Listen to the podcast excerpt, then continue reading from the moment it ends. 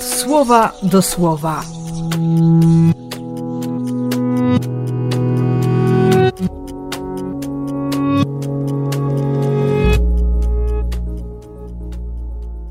Dziesiąty lutego, piątek.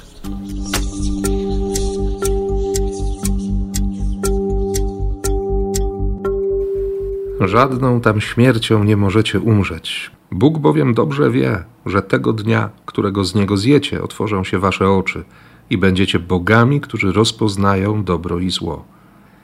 I kobieta zobaczyła, że to drzewo ma owoce rzeczywiście dobre do spożycia, że miło jest oczom na nie popatrzeć i że dojrzały do tego, by ich skosztować.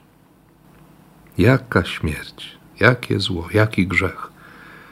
To słowo rzeczywiście jest dzisiaj dla mnie policzkiem, bo, bo wiem, pamiętam, że wiele razy nie tylko i nie tyle nawet słuchałem tej pokusy, co, co sam sobie próbowałem wytłumaczyć, że, że przecież nie jest aż tak źle, że to nie prowadzi do śmierci, że miło popatrzeć, że, że dobre to wszystko, że można skosztować. I tak w sumie jest za każdym razem, w każdej sferze życia. Gdzie jesteś? Usłyszałem i się przestraszyłem. Do tej pory nie było powodów do wstydu, ani wobec siebie, ani za siebie. Teraz, teraz jest pełna kumulacja. I tak się ciągle zastanawiam, dlaczego? Dlaczego nie słucham? Dlaczego Jego słowo próbuję dostosować do mojego sposobu myślenia, życia. Jak to jest? No przecież widzę, że Jezus często nadkłada drogi. Nie?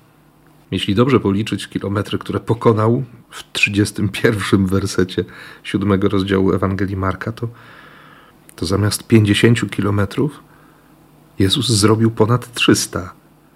Może po to, żeby, żeby spotkać tego głuchoniemego, żeby wejść z nim w taką relację, w taką bliskość, jaka jest wyrazem naprawdę potężnego zaufania. Ślina na język, palce w uszy i kierując wzrok w niebiosa westchnął.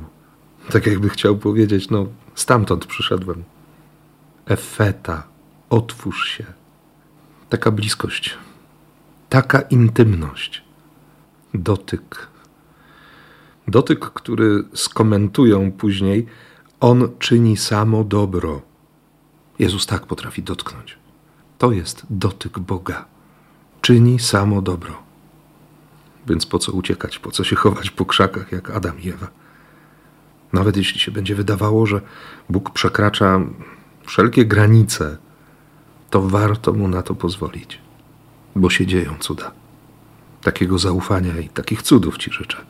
I błogosławię w imię Ojca i Syna i Ducha Świętego. Amen.